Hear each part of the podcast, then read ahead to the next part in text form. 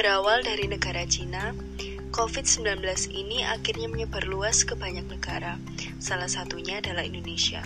Pemerintah Indonesia saat ini mengambil kebijakan yang telah dirundingkan dan dipikirkan secara matang untuk menghadapi masa sulit ini. Tetapi, masih ada warga yang tidak mematuhi bahkan meremehkan permasalahan ini.